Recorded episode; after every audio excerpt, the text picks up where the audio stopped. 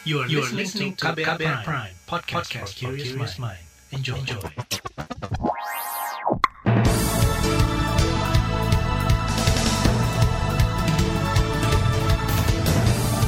Selamat pagi saudara, senang sekali kami bisa menjumpai Anda kembali melalui program Buletin Pagi edisi Kamis 18 Februari 2021 bersama saya Malika. Sejumlah informasi pilihan telah kami siapkan, di antaranya program jaring pengaman sosial tak mampu bendung kemiskinan. Pelayanan publik jadi sasaran vaksinasi COVID-19 tahap kedua. Anggota DPR Papua tak ingin Kabupaten Intan Jaya jadi area konflik bersenjata. Inilah buletin pagi selengkapnya. Terbaru di buletin pagi. Saudara, jumlah penduduk miskin di Indonesia bertambah selama pandemi COVID-19. Kepala Badan Pusat Statistik BPS Suharyanto mencatat pada September 2020 penduduk miskin mencapai lebih dari 27 juta orang. Jumlah tersebut meningkat 2,76 juta dibandingkan posisi September 2019, setara lebih dari 10 persen total jumlah penduduk. Dan hasil BPS menunjukkan bahwa meskipun terjadi kenaikan, kenaikannya uh, pada bulan September tahun 2020 ini hanya sebesar 0,97 persen. Jadi ini menunjukkan bahwa berbagai program perlindungan sosial yang dirancang pemerintah selama masa pandemi ini sangat membantu terutama untuk lapisan bawah. Dan kita juga tahu bahwa pemerintah memperluas perlindungan sosial ini tidak hanya menyentuh ke 40 persen eh, lapisan masyarakat bawah. Kepala BPS Suharyanto menambahkan garis kemiskinan pada September 2020 tercatat sebesar 450-an ribu per kapita per bulan. Komposisinya 73 persen atau sebesar lebih dari 330 ribu garis kemiskinan makanan dan 26 persen atau 119 ribu garis kemiskinan bukan makanan. BPS menyebut dampak pandemi lebih banyak meningkatkan jumlah penduduk miskin di perkotaan daripada di perdesaan. Aceh menjadi salah satu daerah termiskin di Pulau Sumatera. Pandemi COVID-19 jadi salah satu faktor penyebabnya. Warga lantas menyindir kinerja Pemprov dengan mengirimkan sejumlah papan karangan bunga di depan kantor gubernur di Banda Aceh kemarin. Isi kalimatnya antara lain ucapan selamat dan sukses karena berhasil menjadikan Aceh sebagai provinsi termiskin se-Sumatera. Belum diketahui siapa yang meletakkan papan karangan bunga ini. Seorang warga Aceh Ahmad mengaku prihatin, menurutnya Pemprov Aceh tidak mampu mengelola dana dari pusat dengan baik.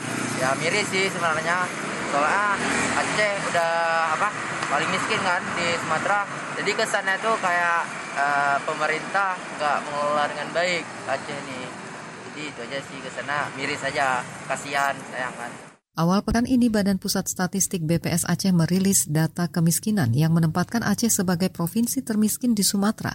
Jumlah penduduk miskin Aceh per September 2020 mencapai lebih dari 830 ribu orang. Jumlah itu bertambah 19 ribu orang dibandingkan Maret 2020. Staf ahli Menteri Perencanaan Pembangunan Nasional PPN dan Bapenas Vivi Yulaswati membenarkan angka kemiskinan di Indonesia semakin meningkat akibat pandemi virus corona. Meski begitu, Vivi yang membidangi masalah sosial dan penanggulangan kemiskinan mengklaim angka kemiskinan lebih terkendali berkat program bantuan sosial dari pemerintah. Tahun ini pemerintah menganggarkan 688 triliun untuk ekonomi dan penanganan COVID-19. Dari jumlah itu 150 triliun untuk perlindungan sosial seperti bansos.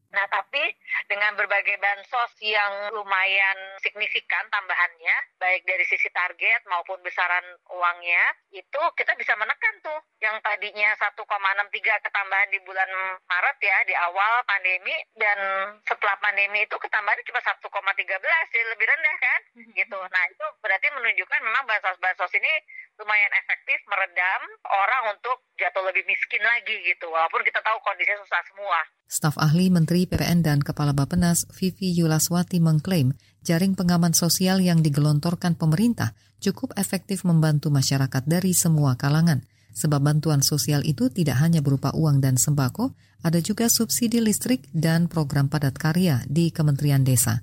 Vivi menegaskan Kementerian PPN sudah merevisi target penurunan kemiskinan menjadi 9,7 persen pada tahun ini Survei BPS menyebut angka kemiskinan saat ini 10,1 persen.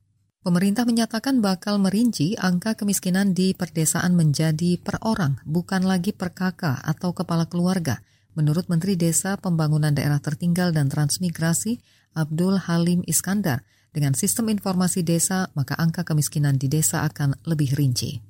Nah, ke depan tentu akan lebih sistematis lagi penanganan kemiskinan di tingkat desa karena kita akan punya data, database utama di SID, Sistem Informasi Desa, tentang kondisi kemiskinan di tiap-tiap desa. Dan bukan hanya kondisi kemiskinannya, di mana letak kemiskinan itu, siapa orangnya. Sehingga nanti kita bisa menghitung bukan hanya kakak tapi warga. Karena nanti akan mudah Sementara itu kalangan ekonom meminta pemerintah memperbaiki pelaksanaan program ekonomi nasional pada tahun ini. Direktur Eksekutif Indef Tauhid Ahmad menilai aneka bantuan yang banyak dikucurkan pemerintah sebagai jaring pengaman sosial masih belum efektif meningkatkan daya beli masyarakat miskin yang terdampak pandemi. Kondisi itu diperparah dengan pertumbuhan ekonomi yang minus, sehingga berdampak pada gelombang PHK dan minimnya lapangan pekerjaan. Pemerintah kan sudah menyiapkan bantuan sosial besar gitu ya. Tetapi e, menurut saya ada problem dari bantuan sosial. Pertama nilainya tidak mencukupi e, dibandingkan dengan penurunan pendapatan yang mereka rasakan atau dampak dari COVID ini. Jadi di bantuannya kan sekitar paling rata-rata sekitar 20% dari pengeluaran per keluarga itu tidak cukup. Kedua, ya tadi eh, kelompok eh, miskinnya ini eh, katakanlah tidak menjadi fokus sasaran. Direktur Eksekutif Indef Tauhid Ahmad menambahkan jumlah PHK selama pandemi COVID-19 sangat tinggi, tapi tidak semua korbannya mendapat bantuan sosial dari pemerintah. Hal itu terutama dialami oleh pekerja sektor informal yang bahkan dalam kondisi normal tetap diupah murah. Kondisi ini diperburuk dengan naiknya harga-harga kebutuhan pokok. Menurut Tauhid, pemulihan ekonomi lebih banyak menyasar kelompok masyarakat menengah atas, sedangkan untuk menengah ke bawah, pemulihan ekonominya lebih lambat. Vaksinasi COVID-19 tahap kedua memprioritaskan pelayanan publik. Informasinya akan hadir usai jeda, tetaplah di Buletin Pagi KBR. You're listening to KBR Pride, podcast for curious mind. Enjoy!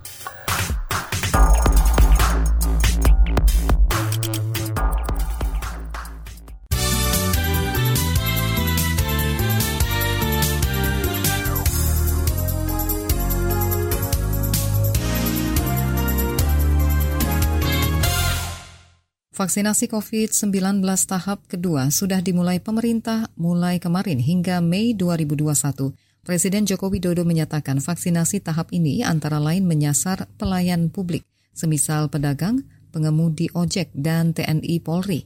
Vaksinasi dimulai dengan menyuntikan vaksin ke ribuan pedagang di Pasar Tanah Abang, Jakarta Pusat.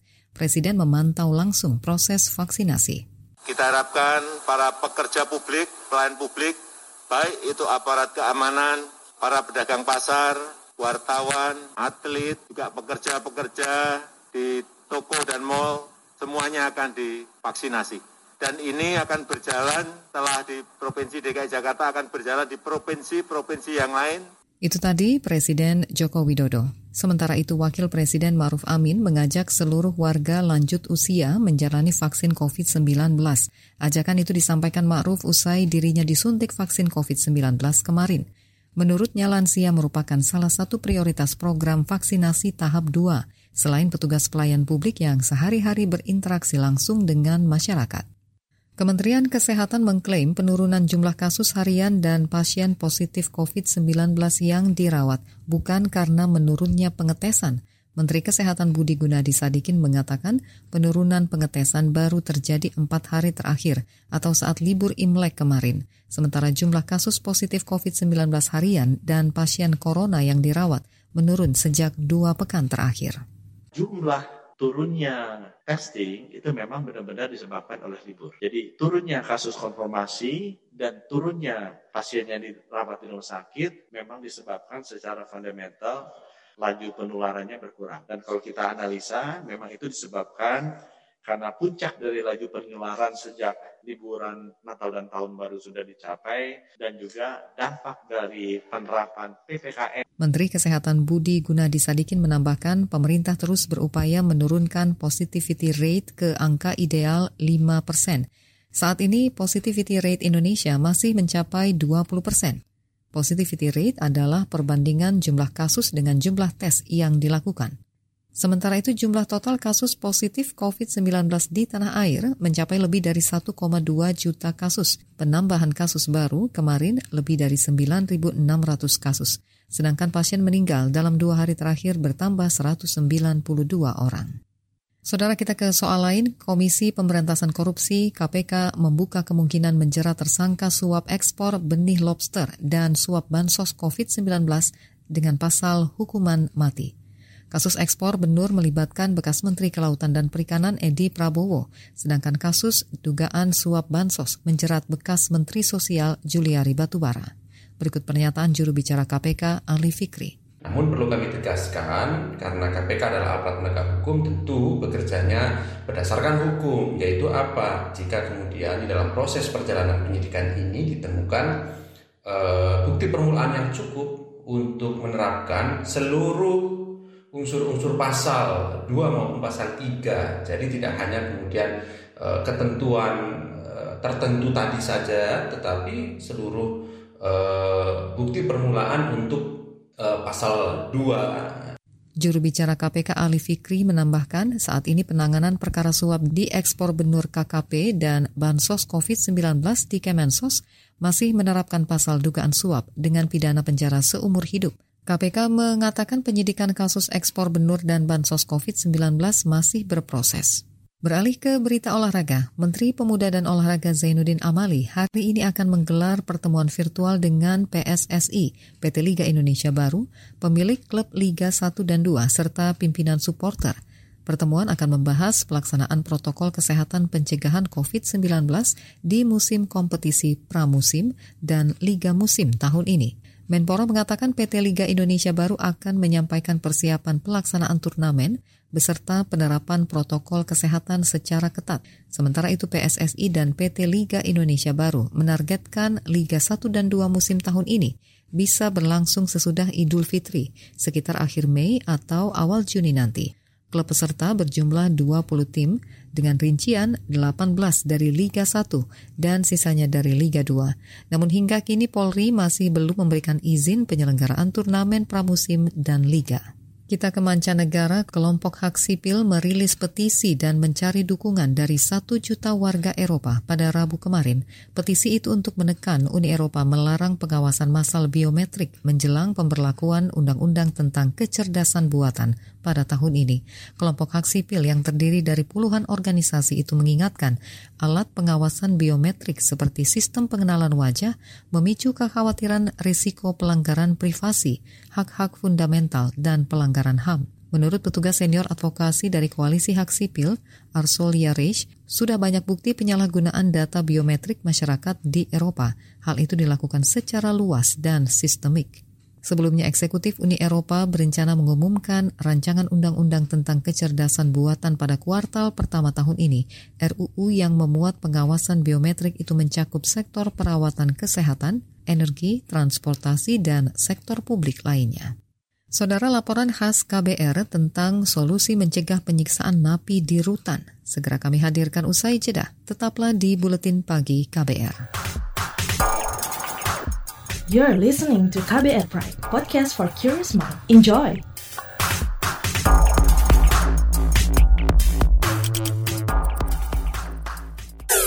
Commercial break. Anggota komunitas Be Home, Laras, memberi semangat kepada teman-teman Broken Home untuk berprestasi kalian tidak sendiri dan keluarga yang patah bukan berarti menghancurkan hidup kalian semua. Buktikanlah bahwa anak broken home itu juga berprestasi dan bisa berkembang sebagaimana layaknya anak-anak di luar sana karena untuk menjadi anak yang berprestasi atau sebagai anak yang dicap nakal itu tidak hanya dari anak broken home, anak dari keluarga yang utuh bahkan dalam keluarga yang utuh namun di dalamnya banyak konflik pun itu bisa menyebabkan nakalan remaja lah istilahnya. Simak obrolan selengkapnya dalam podcast Disco, diskusi psikologi dalam episode Ketika Rumah Bukan Tempat Ramah di kbrprime.id dan platform mendengar podcast lainnya.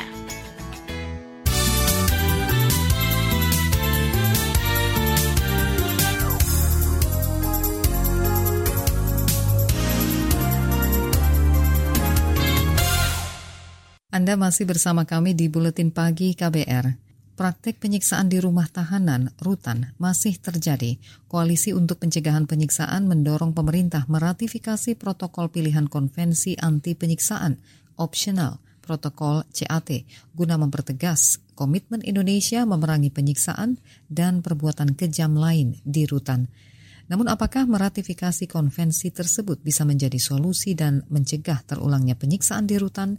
Berikut laporan khas KBR yang disusun Wahyu Setiawan. Praktek penyiksaan dan kekerasan terhadap narapidana menjadi masalah klasik yang kerap ditemui di rumah tahanan, rutan. Meski berulang kali menjadi bahan diskusi, praktek penyiksaan masih terus terjadi. Komisi Nasional Hak Asasi Manusia, Komnas HAM menyebut praktek penyiksaan dan kekerasan masih kerap terjadi di rumah tahanan dua tahun terakhir. Bahkan, Ketua Komnas HAM Ahmad Taufan Damanik menyebut penyiksaan dan kekerasan menjadi kultur penanganan di rutan. Jadi ada semacam kebiasaan yang itu sudah menjadi kultur di dalam satu institusi dan tentu saja selain perubahan regulasinya, sistemnya dan lain-lain juga harus ada perubahan di dalam perilaku atau sikap dari uh, petugas. Masih terjadinya praktek penyiksaan dan kekerasan di rutan juga diamini Lembaga Perlindungan Saksi dan Korban LPSK. Wakil Ketua LPSK, Maneger Nasution mengklaim lembaganya menerima 40-an laporan terkait praktek penyiksaan di rutan selama 2020. Kalau kita melihat sebuah penyiksaan yang terjadi di rumah tahanan atau di rumah tahanan begitu ya. LPSK misalnya eh, memang tahun 2020 saja itu tidak kurang dari 47 permohonan yang kita terima dan memang aktornya tetap aparat negara yang mestinya memberikan perlindungan kepada warga negara gitu. Dan lokusnya juga relatif sama seperti tahun-tahun lalu. Wakil Ketua LPSK Maneger Nasution menyebut praktek penyiksaan terjadi karena beberapa faktor, seperti kelebihan kapasitas dan perspektif petugas rutan yang belum sepenuhnya mengayomi dan melindungi tahanan. Menanggapi itu, Direktorat Pemasyarakatan Ditjenpas mengakui kelebihan kapasitas rutan menjadi penyebab praktek penyiksaan dan kekerasan masih terjadi. Direktur Teknologi Informasi dan Kerjasama Ditjenpas, Dodot Adikuswanto menyebut, saat ini jumlah tahanan sudah dua kali melebihi kapasitas. Dari 135 ribuan kapasitas yang tersedia, terisi 252 ribuan narapidana hingga 14 Februari lalu. Kelebihan kapasitas atau overcrowded ini membuat kondisi rutan semakin rawan.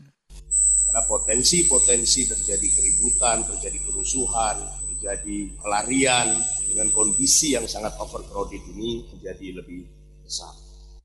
Peneliti Amnesty International Indonesia Ari Pramuditya menilai kelebihan kapasitas bukanlah satu-satunya penyebab.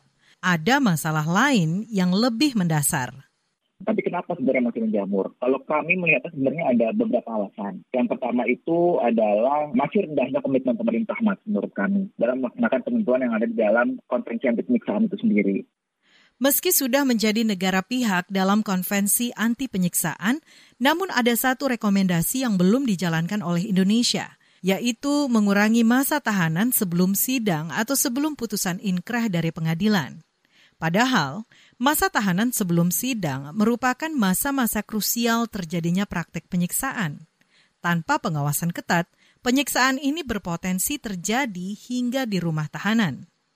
Sejak Juni 2019, Amnesty International Indonesia memantau lima kasus penyiksaan di rutan yang menyebabkan enam korban luka. Salah satunya terjadi di Lapas Tanjung, Kabupaten Tabalong, Kalimantan Selatan. Penyiksaan diduga dilakukan sejumlah petugas sipir terhadap terpidana kasus narkoba Gunawan. Akibat penyiksaan itu, korban mengalami luka lebam di tubuhnya. Amnesty International mendorong Indonesia segera meratifikasi protokol pilihan konvensi anti penyiksaan atau Optional Protocol CAT. Ratifikasi itu bisa menjadi jalan masuk bagi pemerintah untuk serius mencegah praktek penyiksaan. Selain itu, diperlukan perubahan pola pikir dari petugas lapas dan edukasi mengenai penanganan narapidana dengan berbasis hak asasi manusia, HAM. Ya memang salah satu permasalahannya juga yang makar adalah pola pikirnya sebenarnya dari petugas itu sendiri. Tapi lagi-lagi kalau kita lihat itu semua dikarenakan memang kondisinya ideal untuk melakukan itu dalam tanda kutip ideal gitu ya. Karena yang tadi saya bilang, misalnya opsional protokolnya belum ada, jadi dasar untuk national preventive mechanism belum ada. Jadi tempat penahanan ini sendiri masih menjadi tempat yang cukup aman untuk melakukan praktik-praktik itu. Demikian laporan khas KBR yang disusun Wahyu Setiawan. Saya Aika Renata. Informasi dari daerah akan kami sajikan usai jeda. Tetaplah di Buletin Pagi KBR. You're listening to KBR Pride, podcast for curious mind. Enjoy!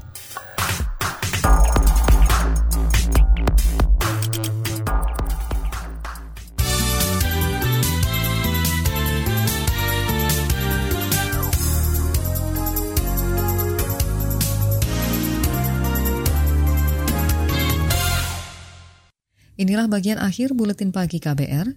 Anggota DPR Papua dari daerah pemilihan Intan Jaya, Thomas Sondegao, menyarankan aparat keamanan dan kelompok bersenjata tidak menjadikan wilayah Intan Jaya menjadi daerah konflik bersenjata, sebab menurutnya banyak warga sipil yang mendiami Kabupaten Intan Jaya. Ia meminta aparat gabungan dan KKB mencari wilayah lain jika ingin berperang secara terbuka. Tidak usah itu lagi daerah itu kamu jadikan daerah area perang sehingga daerah di atas itu aman terkendali kembali seperti itu. Dahulu aman tidak ada persoalan. Kalau mau perang-perangan silakan pergi daerah lain. Ini kasih rakyat dan saya ini hari ini mengungsi Anggota DPR Papua Thomas Sondegao mengingatkan apabila situasi keamanan di Intan Jaya tidak terkendali, maka upaya pembangunan sulit dilakukan. Thomas mengaku kurang memahami apa penyebab konflik bersenjata antara TNI Polri dan kelompok kriminal bersenjata. Menurutnya konflik itu sudah terjadi sejak dua tahun lalu. Terakhir seorang warga sipil jadi korban penembakan KKB di Intan Jaya. Densus 88 anti teror menangkap tiga terduga teroris di tiga lokasi di Kalimantan Barat. Juru bicara Polda Kalbar, Doni Charles Go menjelaskan mereka adalah RE, ditangkap di Pontianak, M di Singkawang, dan MR ditangkap di Kubu Raya. Ketiganya kini menjalani pemeriksaan di Mako Brimo Polda Kalbar. Sementara itu Polres Sekadau yang mendukung Polda Kalbar juga menangkap seorang perempuan terkait dugaan terorisme. Saat ditangkap subuh kemarin yang bersangkutan bersikap kooperatif. Kini perempuan yang belum disampaikan inisialnya itu diperiksa di Polda Kalbar.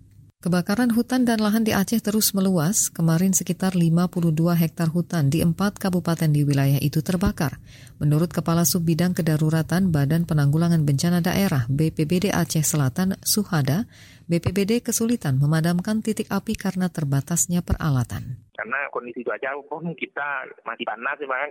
Kemarau nih bang. Apalagi kalau daerah Bakungan tuh dekat sama kawasan hutan lindung bang kan? Jadi eh, jenisnya lahan gambut tuh bang. Kalau hujannya hujan tanggung di bawahnya masih juga berasap tuh bang. Kepala Sub Bidang Kedaruratan BPBD Aceh Selatan Suhada menyebut empat kabupaten yang terjadi karhutla Aceh Selatan, Aceh Singkil, Aceh Barat Daya, dan Gayo Lues. Saat ini tim gabungan terpaksa membuat tenda di lokasi Karhutla dengan dua shift petugas jaga. Informasi tadi menutup jumpa kita di Buletin Pagi hari ini. Pantau juga informasi terbaru melalui kabar baru, situs kbr.id, Twitter kami di akun @beritaKBR, serta podcast di alamat kbrprime.id. Akhirnya saya Malika bersama kerabat kerja yang bertugas undur diri. Salam.